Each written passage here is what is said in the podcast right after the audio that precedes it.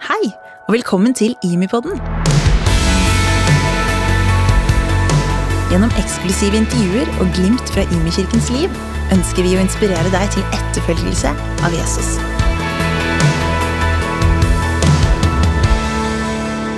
Hei og velkommen til en ny episode av Imipodden. Denne uka så er vi tilbake igjen eh, lokalt etter at vi besøkte Leif Hetland i USA forrige uke, og har lyst til å snakke med to forskjellige mennesker i vår region om eh, ulike sider ved koronakrisen som eh, på ulike måter påvirker oss nå. Og Først ut så er jeg veldig glad for å ha med pastor i Sandnes baptistmenighet, Dag Eivind Noreid, som eh, vi kjenner bl.a. gjennom Agenda 1-nettverket, og som jeg fikk møte i en samling eh, for noen dager tilbake, og det han fortalte, det inspirerte meg. Dag Eivind, velkommen til Imipodden. Takk for det. Du, eh, lyst til å spørre du som jeg spør de andre jeg har hatt som gjest her, hvordan har eh, denne koronakrisen, som vi kaller det, påvirka du personlig? Helt i starten, før vi så omfanget, så tenkte jeg vel som nordmenn flest at det var vel litt mye hysteri for en liten influensa. Og så begynte jeg å skjønne at det var alvorlig. Og så begynte jeg å kjenne etter på kroppen på symptomer. Så fikk jeg frykt for å bli syk, og så begynte jeg å få frykt for framtid og økonomi. Men etter noen dager så skjedde det noe. Så snudde det om til en at jeg har en Gud som er konstant god i alle situasjoner. Takknemlighet for liv, helse og familie. Takknemlighet for de små tingene i hverdagen. En større evne til å nyte øyeblikket og leve her og nå. Og jeg håper at jeg har fått eh, justert mitt eh, takknemlighetskompass for lang tid framover. Så det er liksom sånn personlig det jeg kjenner på i forhold til den krisen vi nå er i. da. Spennende å høre. Kan jeg spørre deg, Var det noe spesielt som leda deg til å gjøre den justeringa, eller uh, bare skjedde det? Det skjedde vel litt når, en, når, det går opp for en at alt det som en har regna som trygt og sikkert, og uh, selvfølgelig ikke er det lenger, så tror jeg at uh, pila på hva som må gjøre meg takknemlig, peker et annet sted enn de store tingene, men mye mer inn i det daglige. At jeg har en familie og to herlige døtre. At vi kunne sitte ute på terrassen og fyre opp bålpanna og grille pølser, var en kjempevelsignelse. Mm. Så jeg tror rett og slett det at, at disse store tingene ikke lenger er tilgjengelige, gjør at jeg blir mye mer takknemlig for det jeg har. Jeg hørte en annen si her tidligere i uka at takknemlighet er et av de beste våpnene vi har mot frykt, og det høres ut som din historie bekrefter det. Eh, jeg hadde også lyst til å spørre deg, for du er pastor i en menighet. Hvordan opplever du at det er å være pastor i denne tida? Ja, Til å begynne med så kjente jeg vel egentlig litt sånn på det samme, litt sånn frykt og uro. Altså Underbevist som pastor så er det lett å tenke og leve som om søndag klokka 11 er sentrum for min gudstjeneste og menighetens gudsdyrkelse. Eh, men fra frykt og uro. Da snudde det seg til en litt merkelig form for uh, optimisme eller fightervilje. Jeg kjente rett og slett jeg ble trigga. Hmm. Og uh, jeg har mange år sagt at gudstjenesten utføres søndag klokka ett til søndag klokka elleve. Og de to siste timene, da feirer vi gudstjeneste. Mm. Og jeg tenker det blir bare enda mer tydelig nå. Vi må nå praktisere vår gudstjeneste andre steder enn i kirkesalen vår. Så jeg famler ennå litt med hvordan klarer jeg å følge opp og være en god pastor i denne tida, men jeg føler at det trigger mer kreativitet enn frykt og motløshet om dagen. Og eh, Vi lever i en tid med god og billig teknologi som gjør det forholdsvis enkelt å holde kontakt også i denne tida. Så eh, både jeg som pastor og menighetsfellesskapet vi blir tvunget til å ikke ha søndag klokka 11 som den primære gudstjenesten eller som et støttehjul for å ha en fungerende tro. Og det er bra tenker jeg. Eh, spennende perspektiv. og, og eh, Vi hadde for noen dager siden en sånn Agenda 1 online-samling. Apropos lære nye ting og være digitalt, så var det litt nytt for oss òg. Men der var du med. Og jeg ble inspirert av å høre på deg, for da hørte jeg en pastor som eh, egentlig snakka sånn veldig begeistra om alle mulighetene han så i dette her. Kan du ikke si enda litt mer om det, det, dette mulighetsbildet du ser? Jo, og, og, jeg vil jo først si at noe av det kjekkeste som har skjedd meg i mitt liv og min tjeneste de siste tre årene, det er Agenda 1. Og jeg føler at det vi nå opplever henger sammen med en av de første problemstillingene vi ble servert som, som ledere der. For det var det scenarioet med at kirkebyggene er stengt, men menigheten vokser og blomstrer. Hva skjedde? Og jeg husker selv vi satt der og noen sa dette var en litt sånn teit og sær problemstilling. Det er jo helt uaktuelt. Vi lever i et fritt land og alt er fint og greit. Men nå er det 27.3.2020, og langt på vei så er vi der. Vi kan ikke bruke kirkebyggene våre til å feire gudstjeneste nå. Så eh, det, det, Den tanken var noe av det første som vekka meg opp.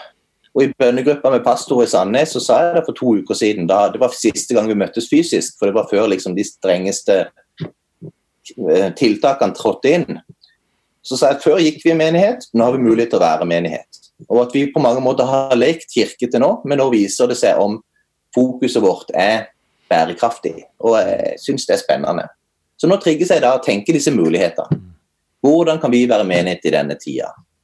Eh, hvordan kan vi nå ut i denne tida? Eh, hvordan kan vi være til stede som Jesu kropp og vise Jesu kjærlighet i denne tida? Menighetene har historisk sett vokst i motstand og kriser og pandemier. Og eh, nå tenker jeg, hvordan skal du, Gud, åpenbare deg gjennom de kirker i denne tida? Og så ber jeg om at vi må se og gripe mulighetene. Og kjenner at jeg er mer motivert og kreativ enn jeg var for to uker siden. Så ja. Det er litt rart, men det er gøy, tenker jeg. Det er inspirerende og spennende å høre på. og eh, det er jo som du sier, at på mange måter så blir vi litt testa nå på om fine ord og ideer vi har hatt, eh, er vi der? Er vi klare når, når det blir virkelig?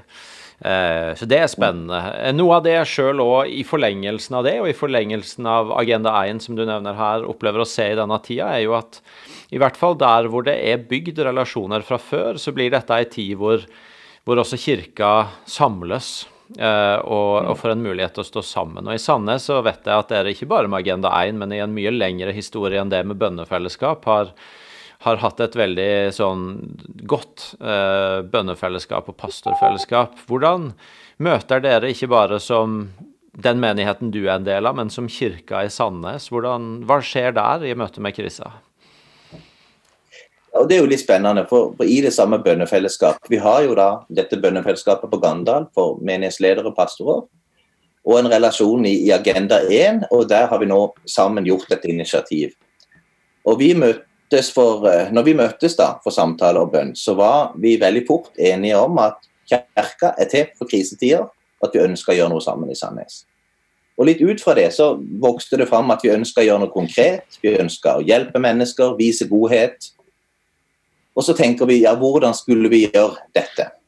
Uh, og vi tenkte litt på å bruke godhetsparaplyen, men så fant vi ut at vi har en menighet i fellesskapet her. Uh, Pinsemenigheten Klippen som har vært med å starte en organisasjon som heter Hjerte for Sandnes. og De hjelper vanskeligstilte, fattige, andre mennesker i en utfordrende livssituasjon.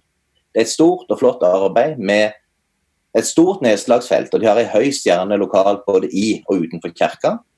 Så da kontakta vi de, og vi spurte kan vi få lov til å kanalisere vårt eh, felles diakonale initiativ gjennom dere.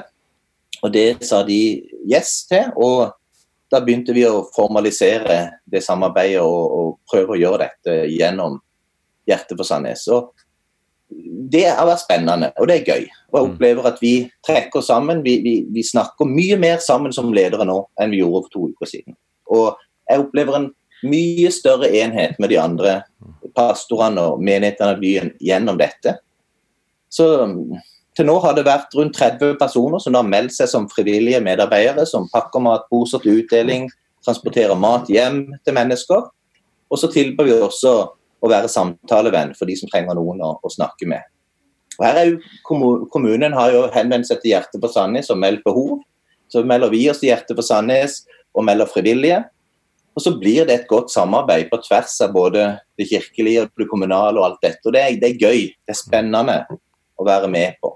Og jeg opplever det som du sier, at bønnefellesskapet i Sandnes, Agenda 1, har ført oss sammen på en måte som gjør at vi i mye større grad enn før fungerer som én kropp, Jesu kropp i Sandnes. Og jeg opplever at denne eh, koronapandemien bare styrker dette fellesskapet og denne enheten.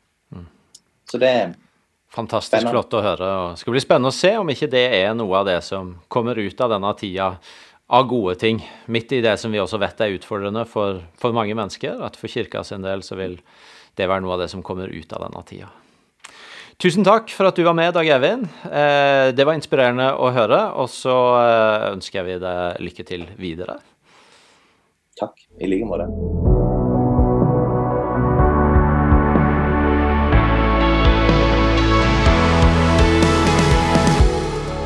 Det var Dag Eivind Noreid fra Sandnes baptistmenighet. Eh, nå skal vi flytte oss eh, tilbake til vår egen by, Stavanger, og eh, vårt eget hus her, Imi kirka.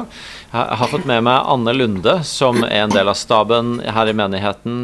Ansvarlig og leder for bønne- og veiledningsarbeidet vårt. Anne, velkommen på Imi-podden. Tusen takk. Du, eh, Det spør alle om som et innledningsspørsmål på podden, det er hvordan har koronakrisa påvirka du personlig? Eh, eh, jeg er ikke redd inn i denne situasjonen, men det har jo vært ei underlig tid, det må jeg si. altså. Og jeg møter jo mange folk som kan kjenne på frykt, og da er det viktig å på en måte, for min del har vært iallfall, å fylle hjelpe de til å fylle seg med Guds ord og Guds sannheter og tale liv inn og håp inn. Eh, men det er klart, altså, vi har jo folk rundt oss som blir påvirka av dette. Og, eh, og, sånn personlig så kan jeg jo kjenne at akkurat i disse dager så har jeg en svigermor som er ikke helt god. Eh, og det å da ikke kunne reise til henne, det har vært litt underlig.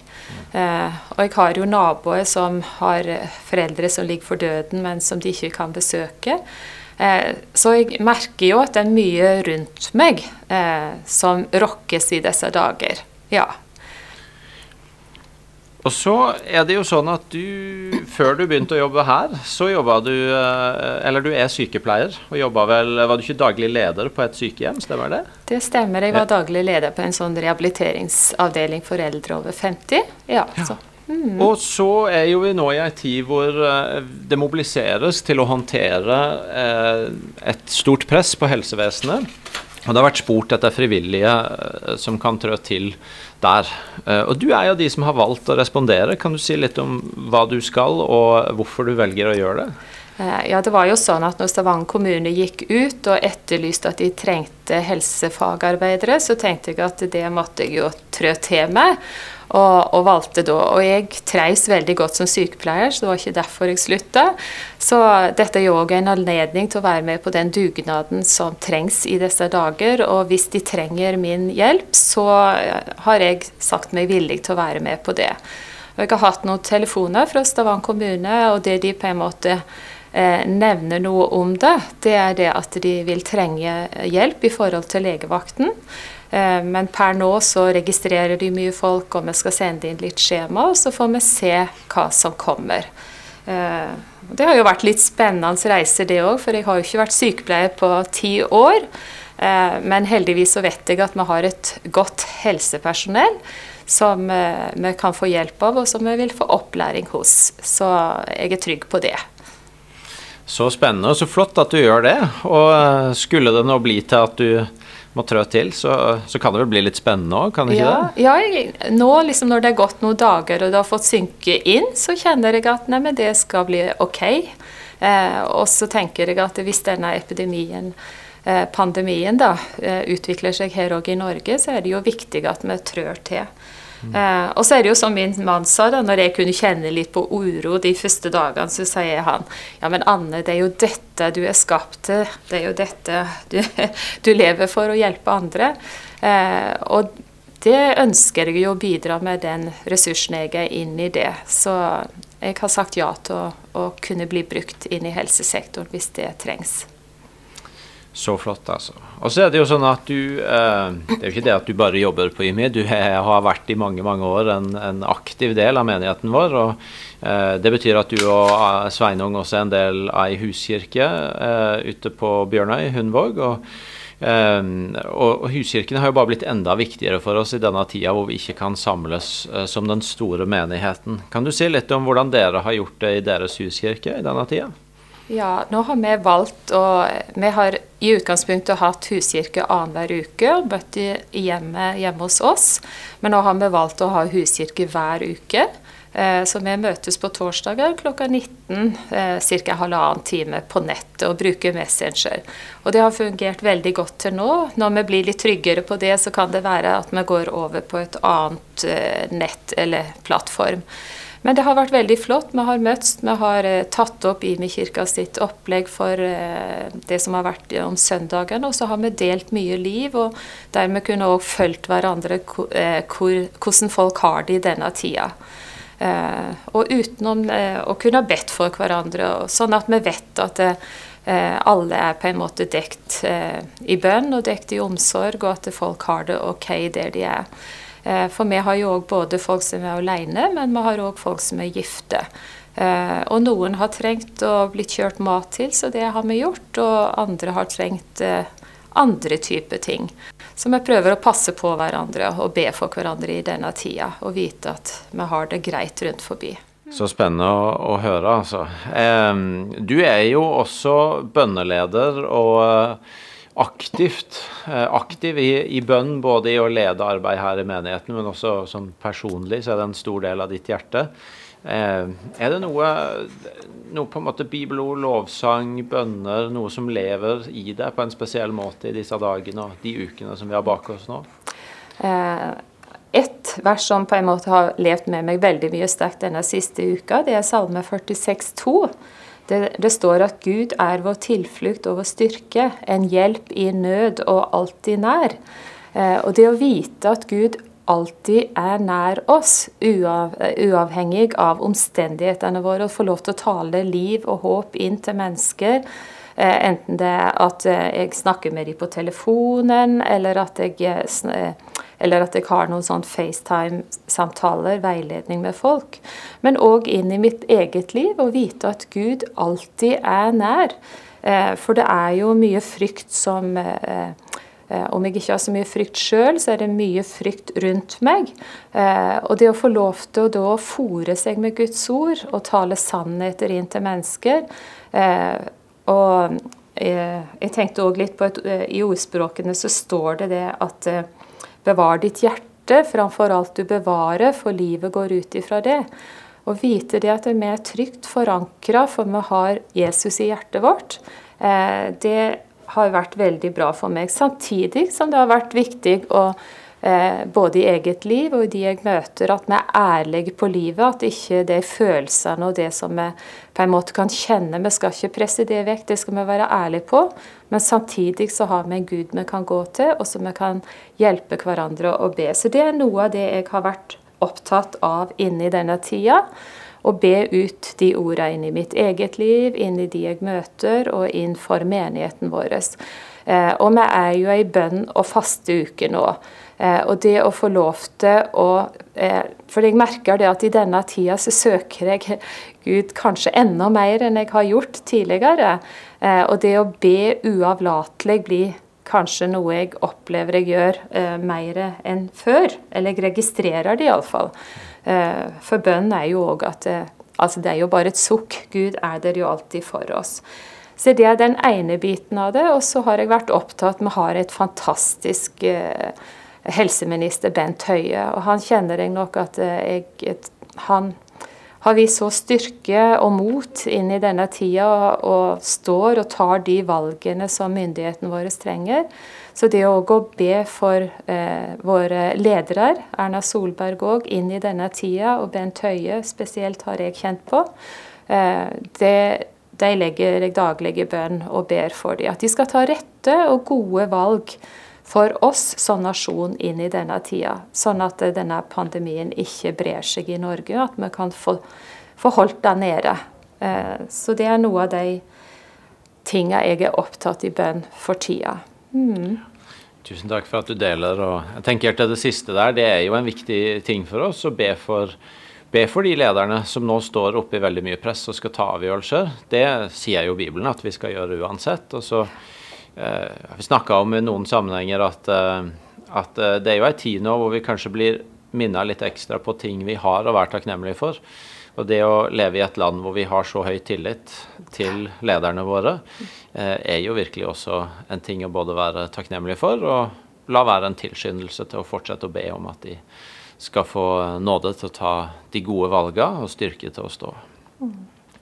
Anne, tusen takk for at eh, du var med oss. Eh, og tusen takk til du som hørte på Imi-podden. Vi er tilbake neste uke. Ha en fortsatt god uke så lenge.